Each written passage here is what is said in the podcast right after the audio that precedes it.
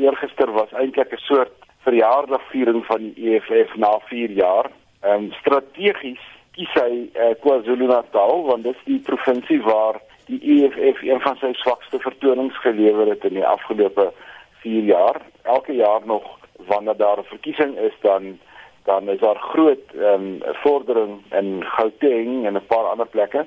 As jy net kyk na die bywoningssyfer, dan sou hy dit waarskynlik vir 3 of vir 4voudig as dit in Benoni gehou het of in die Oosrand of in Soweto of waar ook al. So ek dink hierdie was 'n doelbewuste poging om te gaan waar hy nie steen het nie en ek dink dit te doen in die agterplaas van president Jacob Zuma. Ons weet nou al dat Jacob Zuma die laaste jaar of wat um, wanneer hy regtig wil mond uitspoel, dan doen hy dit in KwaZulu-Natal en ek dink hierdie wat my aan betref was 'n doelbewuste poging van die EFF om hom daar te gaan aanval en om aan hierdie sensitiewe vraagstukke ehm um, beslag te gee soos en met die Indiër ehm um, kwessie. Nou ons weet die Indiër kwessie kom oor 'n baie lang tyd en ons weet ook dat dit het al van tyd tot tyd ehm um, opwellings en uitbarstings veroorsaak.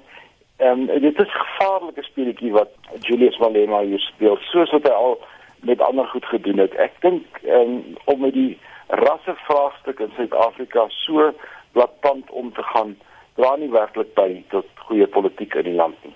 Maar ek wil terugkom by my vraag, het hy 'n punt beet? Ek dink ek dink hy het 'n punt beet met betrekking tot selektiewe families.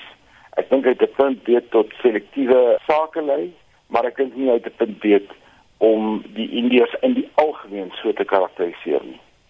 Nou die EFF is een van baie partye wat eis dat Baleka Mbete haar besluit oor die geheime stemming moet uh, bekend maak.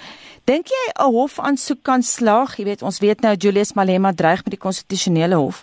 Ja, ek dink ek dink dit kan slaag, um, maar ek dink nie dit gaan die uitkoms verander nie. Probeer Julius Malema probeer nou om met buiteparlementêre meganismes, met ander woorde, om druk te plaas op die ANC deur die media en dis meer en te dreig met die howe. Te kyk of hy die besluit kan verander.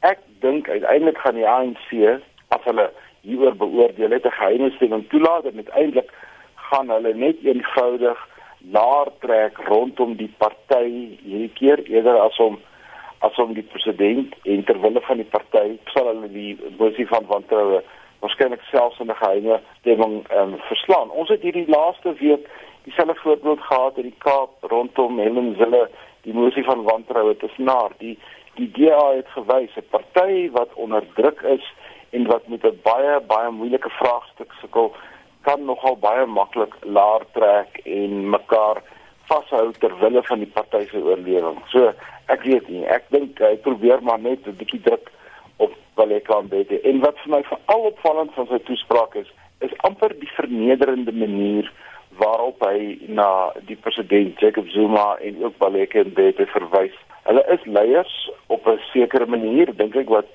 ten spyte van wat mense dink of weet, die respek nodig het wat hulle vir, vir um, wat hulle verdien, maar die wyse waarop hy na hulle verwys in sy toesprake is verskriklik ehm um, vernederend amper.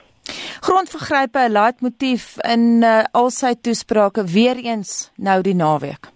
Ja, weer eens en ten spyte van soos julle berig het gelei dat daar hofsaake oor sy kop hang, hierdie gaan nog vir hom 'n baie hartseer saak word in die EFF want erns skep jy verwagtinge. En die ANC het hierdie les geleer oor 23 jaar dat die verwagtinge wat jy skep wat jy nie kan bevredig nie, kom uiteindelik terug in die vorm van dienste boikotte en al die soort van goed wat die party uh in 'n sekere sin onregeerbaar maak. En uh Malema gaan baie mooi moet dink oor waar hierdie ding heen gaan want dit is dis iets wat hy uiteindelik as hy self aan bewind moet kom, nie gaan kan bestuur nie. Dink jy hy raak desperaat?